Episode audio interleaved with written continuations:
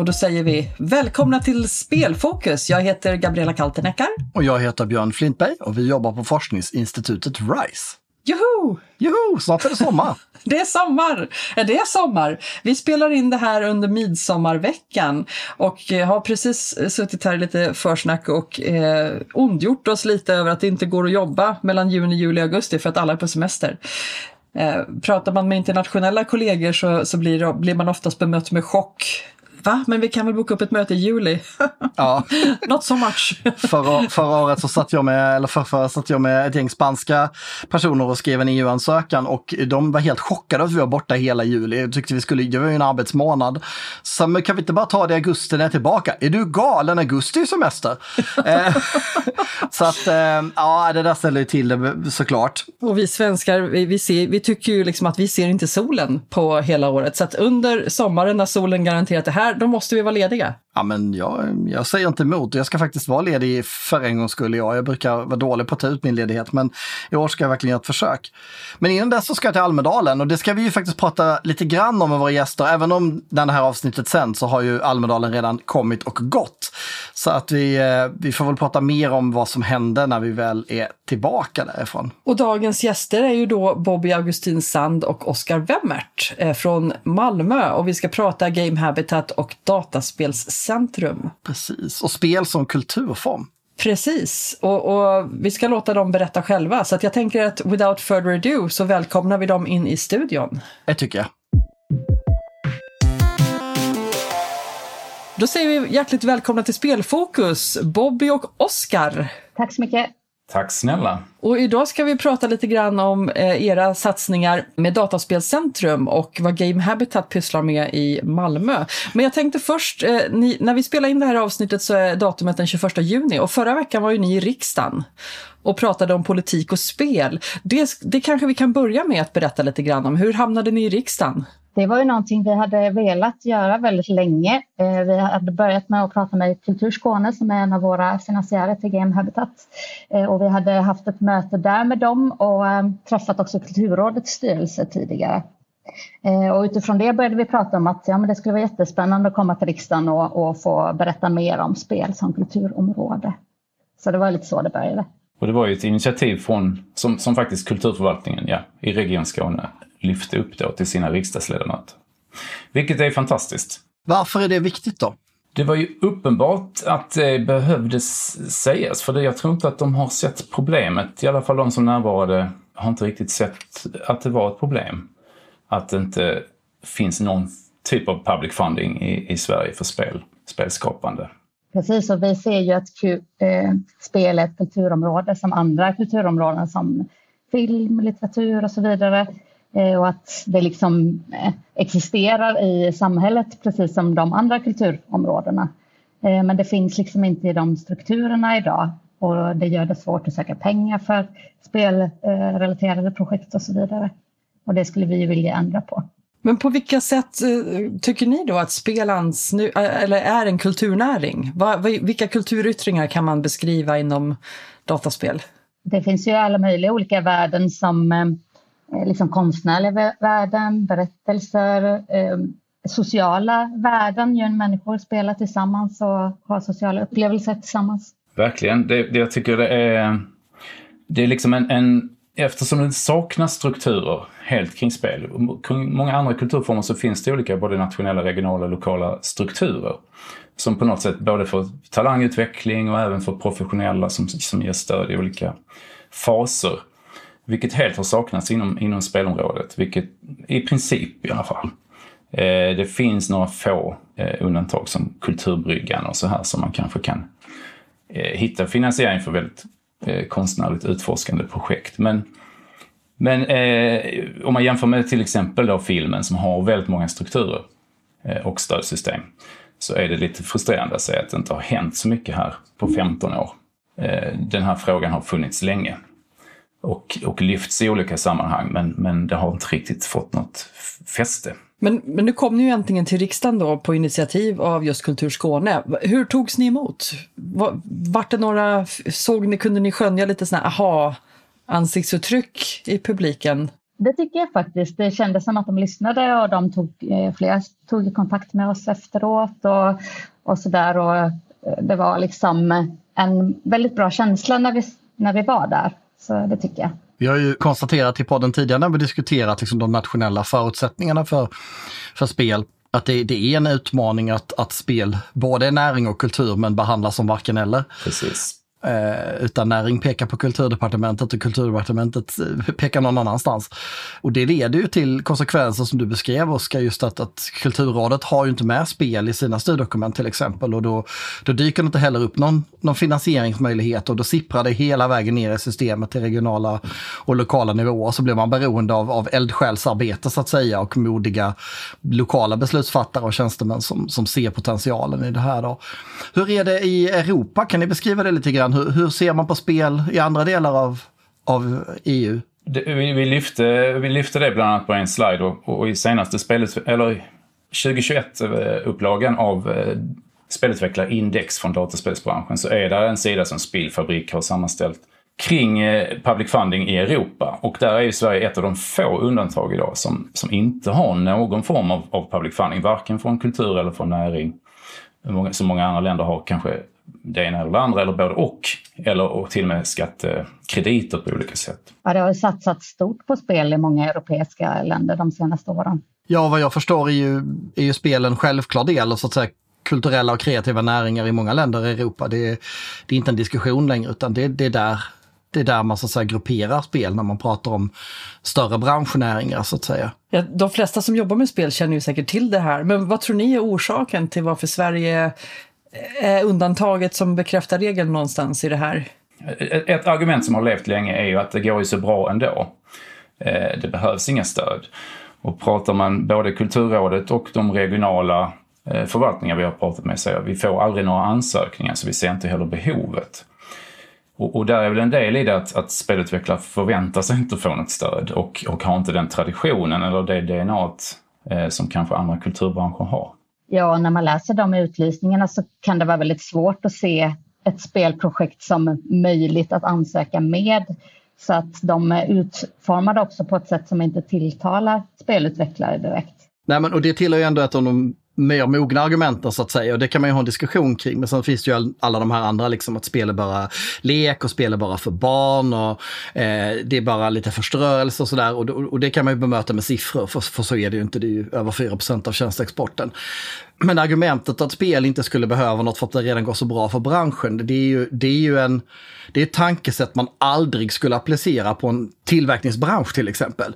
Nej men det går ju så bra för gruvindustrin så vi behöver inga statliga stöd för gruvindustrin eller det går så bra för bilindustrin så vi behöver inte jobba med underleverantörerna. Eh, det behöver inte finnas några ekosystem eller eh, kedjor för detta.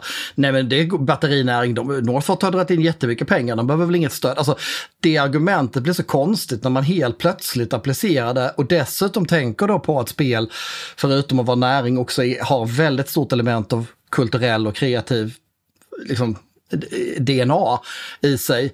Att det är ju näringar som traditionellt behöver ganska mycket stöd för att kunna utvecklas och formas för att det är många små aktörer, det är kreativt drivet och så vidare. Så att det argumentet, det, det är förståeligt men det är ju fortfarande eh, märkligt det är ju eh, trevligt att höra att ni möttes med, av positivitet i riksdagen. Och nu eh, när vi spelar in det här så har vi ju Almedalen att se fram emot nästa vecka. Och när vi sänder det här avsnittet så har Almedalen redan varit. Så att jag hoppas att ni får komma tillbaka och berätta lite grann. För där finns det ju ett helt paket där ni deltar i. Vill ni berätta lite mer om det? Vad, vad kommer hända under Almedalen? Precis, det är Spel-Almedalen och det är dataspelsbranschen, Sverok och Uppsala universitet eh, som har liksom satt ihop det här programmet. Så det är ett stort program med många programpunkter under tre dagar. Eh, så att det blir en rejäl liksom, genomlysning av spel som just liksom kulturellt fenomen framför allt. Och om man pratar liksom om varför, eh, ja men hur, vilka spelvärldar är det barn och unga befinner sig i? Hur ser jämställdheten i branschen ut? Hur ser kompetensförsörjningen för branschen ut framåt? Så det är liksom massor med olika områden som, som kommer tittas på från olika håll. Så att det ska bli superspännande att se vilka diskussioner som det också kommer uppstå då under veckan. Och både du Björn och du Bobby kommer ju vara där. Så nu har ni, ni har ett stort ansvar som vilar på era axlar. men känner ni er peppade? Jag känner mig jättepeppad, men jag har aldrig varit i Almedalen heller så att det blir liksom första gången för mig och jag ser jättemycket fram emot det. Ja, jag var där 2018 var det väl eh, senast, så att, eh, det blir lite återkomst och det blir, det blir oerhört spännande. Och en, en stor grej med Almedalen, det är ju det som händer så att säga i mellanrummet. Det är ju en av de få arenorna där man kan få så många informella möten med olika personer och få möjlighet att prata om komplexa frågor lite längre än i de halvtimmar eller timmar man kan få till i möten annars, utan man kan faktiskt ta en längre diskussion och man kan möta intressanta människor. Så att vi hoppas hoppas eh, att det har gått bra får man säga då eftersom det har sänds efteråt. Och det kommer säkert att komma någon form av review av, av hur det gick. Eh, och sen har vi faktiskt ett riksdagsbesök till att se fram emot eh, under hösten. Eh, som vi på RISE har blivit inbjudna till. Där också dataspelsbranschen såklart kommer att vara med. Där vi pratar då mer om näringsperspektivet så att säga. Eh, snarare än kulturperspektivet. Så att eh, påverkansarbetet är ju viktigt för att förstå, för att fler beslutsfattare ska förstå vad är spel och varför är det viktigt. Och, Malmö är ju speciellt på det sättet tycker jag i alla fall att det, dels Björn och jag är väldigt bias när det gäller Malmö, vi älskar Malmö, vi vill väldigt gärna flytta tillbaka dit. Eh, men det finns ett community i Malmö som är väldigt starkt. Och det var väl någonstans grunden till att ni träffades, Bobby och Oskar, och, och, att ni liksom började prata om dataspelscentrum. Ja, egentligen inte. Vi har känt varandra väldigt länge, men eh, eh absolut, vi liksom kom ju också tillsammans eh, genom detta. Oskar och jag har ju jobbat liksom också med det förberedande arbetet för när, när spel skulle komma in i Game Habitat mer som kulturområde och eh, liksom eh, bredda perspektivet lite från närings, eh, ja, mer näringsfokus. Game Habitat är ju startat av spelföretagen från början som liksom ett initiativ för att spelföretagen själva kände att det fanns gemensamma frågor man ville driva, man ville ha mer kontakt sinsemellan och så vidare. Eh, och sen efter ett tag kom med de här kulturdelarna in. Eh, och det började med att vi skrev en rapport som var på uppdrag av eh, Region Skåne. Och sen kom det in liksom i verksamheten. Och under vägens gång då så har vi då diskuterat hur vi ytterligare kan förstärka de här strukturerna då. För att det finns ju de nationella delarna som Game Habitat jobbar ju framförallt regionalt, men det finns ju de nationella delarna. Och Dataspelcentrum är ju då en nationell förening, så det var lite det vi såg att vi behövde också. Kan ni berätta för, för folk, vad, vad är Dataspelscentrum och vad, vad ska det göra för någonting? Man kan väl säga att Dataspelscentrum är ett initiativ, precis som Bobby säger här. Alltså många av de frågorna som, som vi lyfte bland annat i, i den förstudien är, är mer på nationell nivå. Det handlar om att hitta en, en struktur, eller skap, försöka skapa en struktur på nationell nivå. Och där en centrumbildning kändes som ett, ett bra sätt att, att också utmana kulturpolitiken och se hur, hur kan vi passa in i det här eftersom det, det finns väldigt få nationella strukturer. Eh, IGDA till exempel, eh, som är väldigt starka i Finland, har, har varit lite eh, på on and off i, i Sverige får man väl säga, som, som liksom en organisation för spelutvecklarna. Men det är tanken som en centrumbildning då, vilket är vanligt, finns inom många andra kulturformer. Eh, teatercentrum, filmcentrum, litteraturcentrum, etc. Och då är det en centrumbildning för, för kreatörerna, för spelskaparna. Oavsett om du jobbar på en studio eller, eller kör eh, frilans eller, eller liksom är, men ändå eh, professionella. Eh, och någonstans i grunden, jag menar vi, vi vill ju gärna Eh, lyfta just det här till exempel med, med prototyp, alltså att kunna göra den här första prototypen. Hitta, liksom, eh, just det här med, med olika typer av eh, finansierings som, som inte finns tillgängliga idag för att kunna utforska spel som ett konstnärligt uttryck till exempel.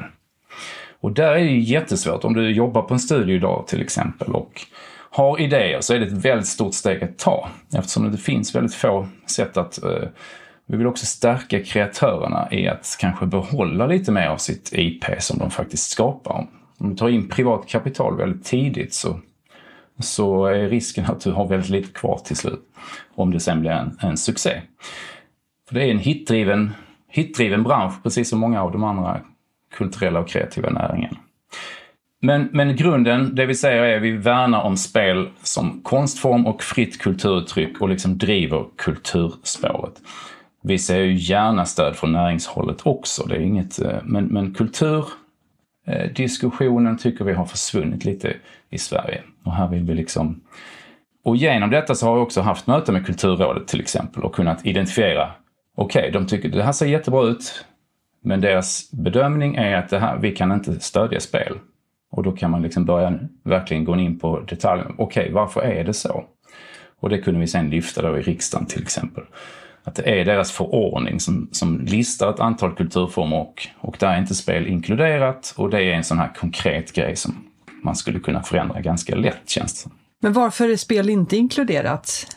Ja, det är en mycket bra fråga. Som jag, jag, och det känns ju för, för, för, oss i spelbranschen så känns det ju som en icke-fråga. Tror jag. Eller liksom alla, det här, nej. Det, men, men uppenbarligen så är det en sån grej som gör att, att vi, har, vi har provat att söka andra typer av projekt innan. Men samtidigt ser vi också att andra, jag har jobbat mycket med Skapande skola till exempel och Kulturskolan, försökt öppna de här dörrarna för spel. Det är också kulturrådspengar till viss del. Och där har det liksom öppnat upp sig lite. Så att, så att man ser ju ändå att det, det är lite, lite olika... Eh, och det, det händer ju liksom små saker men, men det behövs eh, liksom se, man behöver se helheten och inkludera spel. Ett annat syfte med Dataspelcentrum är också att samla de som kanske jobbar med spel på ett eh, konstnärligt utforskande sätt. En del av dem jobbar inte på spelföretag utan jobbar liksom själva som ja, kulturutövare och de vill vi också samla här. Och vi vill förmedla uppdrag, har redan börjat lite via den här Discord-servern som vi har som man kan bli med i om man är medlem. Eh, där vi då förmedlar liksom föreläsningsuppdrag, frilansuppdrag. Det kan finnas samarbetspartner inom andra kulturområden som, som söker efter spelutvecklare som kan vara med i projekt och så vidare. Så det är också ett syfte med föreningen. Men du, du nämnde där om man blir medlem. Hur blir man medlem? Kan vem som helst bli medlem? I princip Eh, Eh, just nu har vi liksom öppnat upp i early access, som vi kallar det då, i, i, som, som folk är vana vid att förstå konceptet kring. Eh, så just nu kostar det ingenting. Man kan, man kan signa upp på, på hemsidan eh, dataspelscentrum.se. Och i princip eh, så är ju liksom, vi håller på att bygga den här verksamheten. Vi kommer att söka finansiering under hösten och hitta olika vägar att, att liksom få en, en verksamhet. Eh, och, och, när vi har ett erbjudande som är mer tydligt så, så kommer vi säkert att ha medlemsavgifter och sådär som andra centrumbildningar har. Men det kanske är några hundralappar om året. Det är liksom inga, men vi måste ha en medfinansiering från, från medlemmarna eh, på sikt. Men eh, ja, så nu är det ganska öppet för liksom i alla fall folk inom spelsfären och, och andra som tycker det här känns som viktiga frågor. Ja, det finns ju många som jobbar med utbildning också som, eh, som brinner för frågorna. Som Eh, Eh, liksom utbilda på spelkurser eh, och så vidare som också är jättevälkomna att bli medlemmar. En sak som jag tänkte jag skulle vilja fråga, för nu, nu pratar om, om kulturelementet i spel så att säga, så, så finns det ju då såklart kulturella element i alla spel. Eh, allt ifrån eh, bilder och grafik och, och konstnärligt skapande till berättande musik också naturligtvis. Men det finns ju också, även om den gruppen eh, spel kanske är mindre då, men eh, finns ju också spel som så att säga nästan är en slags serious games fast för konst. Det vill säga om man säger att definitionen på serious games är spel vars primära syfte inte är underhållning eller inte heller kasino då såklart. Men, men där, där syftet är någonting annat än själva spelandet av spelet. Det finns ju spel som har skapats i syfte att vara konstnärliga i, i huvudsak, där konsten så att säga är det primära och sen är det en spelform. Eh, har ni stött på, hur vanligt är det och vad finns det några spännande coola exempel liksom som svenska? Jag är ganska, vad ska man säga, biased då, för jag är ju en av dem som utvecklar den typen av spel i min, min eh, egna studio för att eh, utforska tematik som liksom eh, identitet och, och sådana existentiella frågor. Och det finns ju massa andra exempel på det också. Liksom. Det är många studier som, som använder spel på det sättet. Det finns ju goda exempel liksom via de spelfestivaler som finns. Nu har vi ingen sån i Sverige, men det finns ju i Berlin till exempel, Amaze Festival. Och så finns det i Hamburg, Play Festival. Så det finns eh, flera stycken sådana ganska på nära håll liksom och Copenhagen Game Collective gjorde ju tidigare mycket sådana sådana projekt också. Eh, så att det finns väldigt många olika exempel på när man använder spel för att utforska spelens ramar kan det vara, eller tematik till exempel. Eftersom vi i Sverige liksom eh, har helt, helt, det finns bara de kommersiella förutsättningarna i princip, så, så är det ett område som vi tror vi skulle kunna utforska mycket mer. Och det är där mycket spännande innovation kan ske. Jag älskar ju spel som utforskar och, och som, ja men så här, utforskar vad, vad ett spel är, vad ett spel kan vara och som, och som kan tänja gränser på olika sätt. Eh, och, och, det som är intressant är ju, eftersom det är en hitdriven bransch som vi sa innan också, de som då har lyckats, vad de sen väljer att göra när de inte behöver tänka så mycket på de kommersiella eh, bitarna. Där finns det ju spännande exempel på, på, på studios och kreatörer som, som gör väldigt, liksom, väldigt intressanta projekt som, som är mer, mycket mer utforskande. Och sen via Game har det också skett ett sådant utforskande under, under lång tid. Om vi riktar blicken mot framtiden lite grann, vad tror ni är dataspelskulturssidans utmaningar med tanke på tekniska framsteg och, och nya verktyg som kommer med AI till exempel?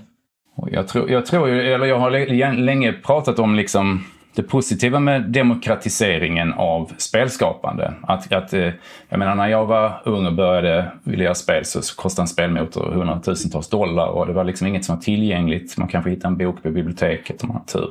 Men att, att tillgängligheten idag är, är så fantastisk och det finns så många olika verktyg.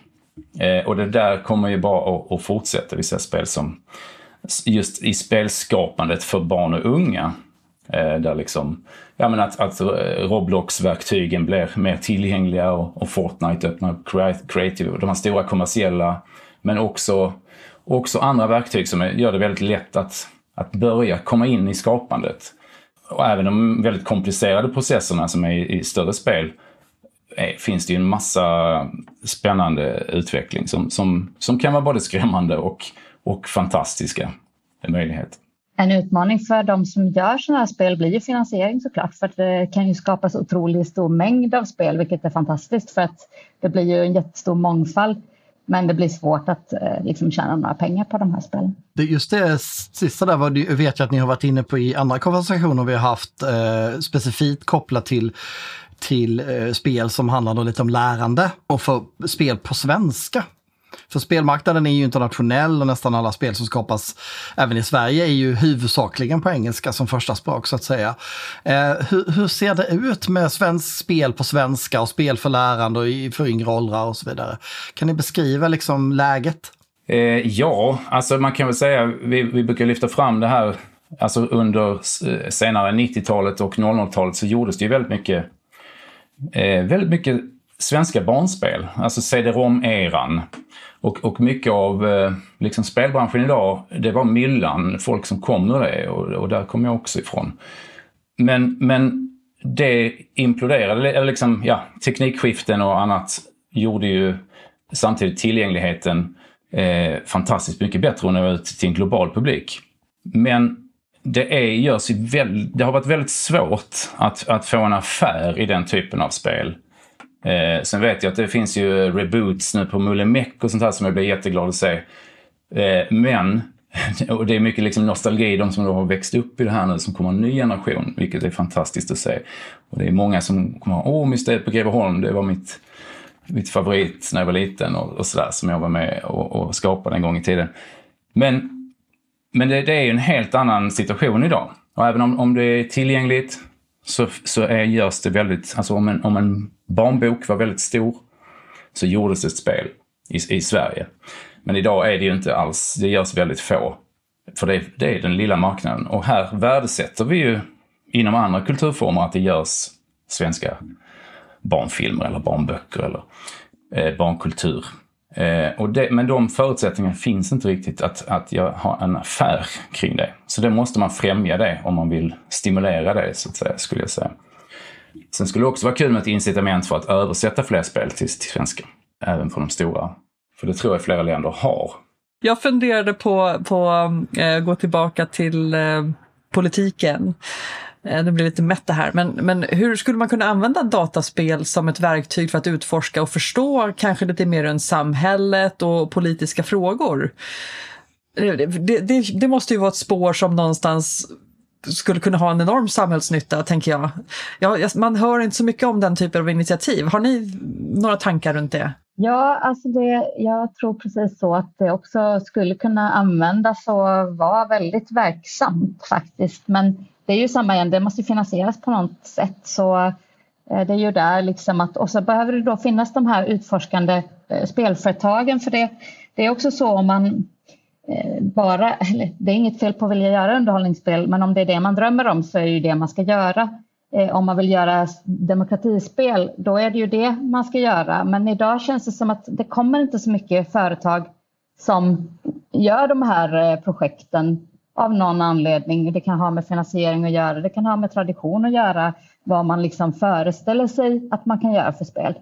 Eh, och det, det skulle vara väldigt kul att se fler exempel på sådana företag som kanske är lite semi, liksom både jobbar med mer kommersiella projekt och mer offentligt finansierade projekt. Det ringer väl lite grann in också det som Oskar pratade om tidigare med att översätta spel till svenska. Och, du vet, sätter man det i det stora multinationella kommersiella kontextet så kommer det ju alltid vara en för liten marknad. Men det beror ju på vad man jämför med, precis som ni var inne på här att inom bok och filmvärlden så är det ju högt värderat men inte inom dataspelsbranschen. Och vad är skillnaden då? Jo, men det är väl att det finns stöd i den ena men inte i den andra. Och där har vi ju en av de största orsakerna till varför det är viktigt att spel bör betraktas som en kulturform också. Absolut.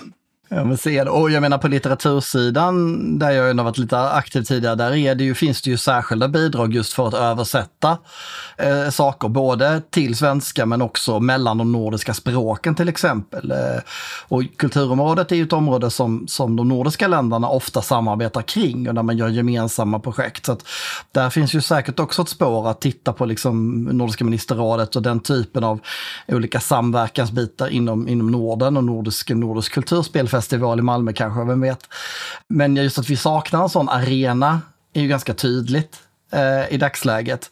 Eh, och det finns ingen riktigt bra yta för den här typen av kreatörer och då det blir ju som du var inne på, det blir lite, det blir lite som ett självspelande piano. Om det inte finns finansiering så finns det inte heller aktörer som kan leva på det och då finns det färre aktörer som kan göra det, vilket gör att det kommer färre produkter, vilket inte motiverar och så vidare. Så man måste ju vända den spiralen på något sätt. Serious Games ser vi ju Ja, men har, har funnits mycket i Danmark. Det har varit mycket Serious Games-initiativ. Och, och jag menar, barnspel, många, många svenska IPs gör barnspel, då görs de kanske i Norge nu som har, som har liksom kulturstöd. Ja, och just Serious Games är ju det, är ju det området där, där vi på RISE oftast har varit involverade när vi själva så att säga skapar eh, spel eller spelliknande moment. Eh, och där är ju faktiskt ett annat område som är intressant och det är ju hälsa, friskvård och sjukvård. Eh, vi hade ett projekt som heter Little Nirvana som var till för eh, barn som ska genomgå svåra medicinska undersökningar med magnetkamera och så vidare där man då fick, fick spela ett spel där man lärde sig de här olika övningarna och sen så så mötte man de karaktärerna igen på, kliniken liksom och satte igång liksom spelet. Så det fortsatte liksom i undersökningsrummet som sätt. Så det finns ju onekligen områden, vi har nämnt eh, menar, jämställdhetsfrågor, vi har inklusionsfrågor brett. Demokratisering är ju en annan sån sak. Eh, men också skulle jag säga kanske de områden där man ska förklara komplexa beslutsvägar eller saker som är svåra att förstå, alltså stadsbyggnad eller sådär. Och där kommer ju VR-tekniken in som, som ett exempel, liksom, där teknologierna kan hjälpa till. Men alla de här områdena, det här är ju, det är ju här jag tycker att konst och, och teknik går ihop. För att i alla tider så har ju konst använts å ena sidan för att kritisera och belysa svagheter i den befintliga samhällsstrukturen och peka på orättvisor eller saker som inte fungerar. Men också för att förklara saker på nya sätt. Antingen saker som vi tror är självklara, som kanske inte är så självklara, och ger nya perspektiv på dem.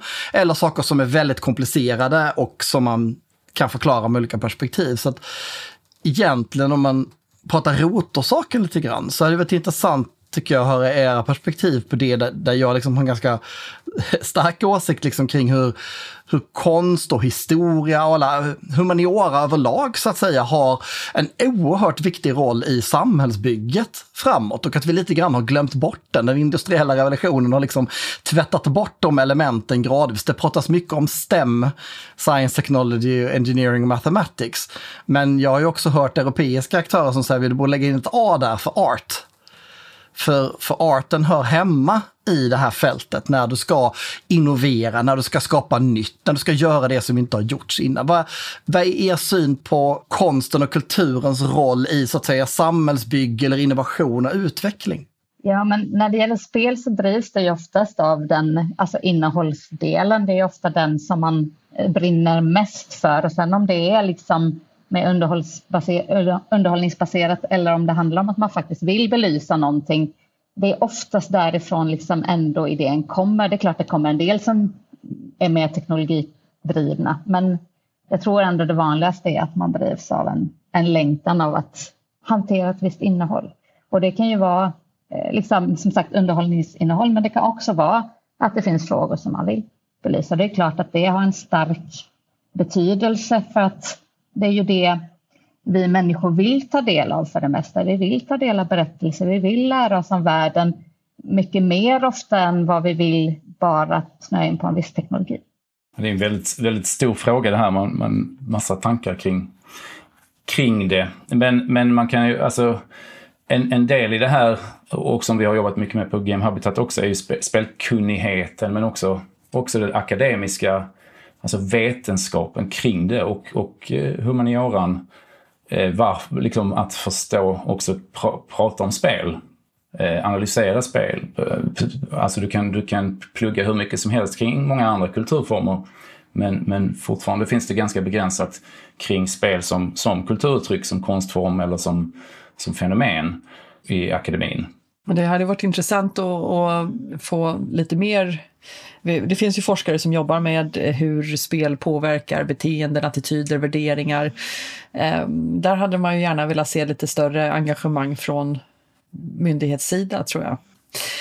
Ehm, vi börjar få lite ont om tid i avsnittet, men vi har ju redan konstaterat att vi har lite mer att prata om, eh, framförallt när det kommer tillbaka från Almedalen och även få lite mer feedback på efterdyningarna till ert besök i riksdagen.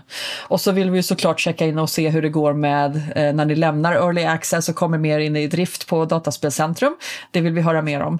Eh, så att eh, jag tänker att jag skickar helt fräckt in en bokning till er senare i höst. det låter bra. Så hoppas vi att få välkomna er tillbaka. Gärna det. Vi kan, vi kan bara nämna också en, en av de, eh, eller faktiskt den första punkten vi lyfte i riksdagen som en, en liten avslutning. Men, men en, behovet av en nationell dataspelsstrategi och också en koppling till, till rapporten som, som ni gjorde, där också den punkten är med. Att ta ett helhetsgrepp kring, kring spel och ha en strategi kring alla delar är en viktig, ett viktigt medskick. Jag bara skickar in den.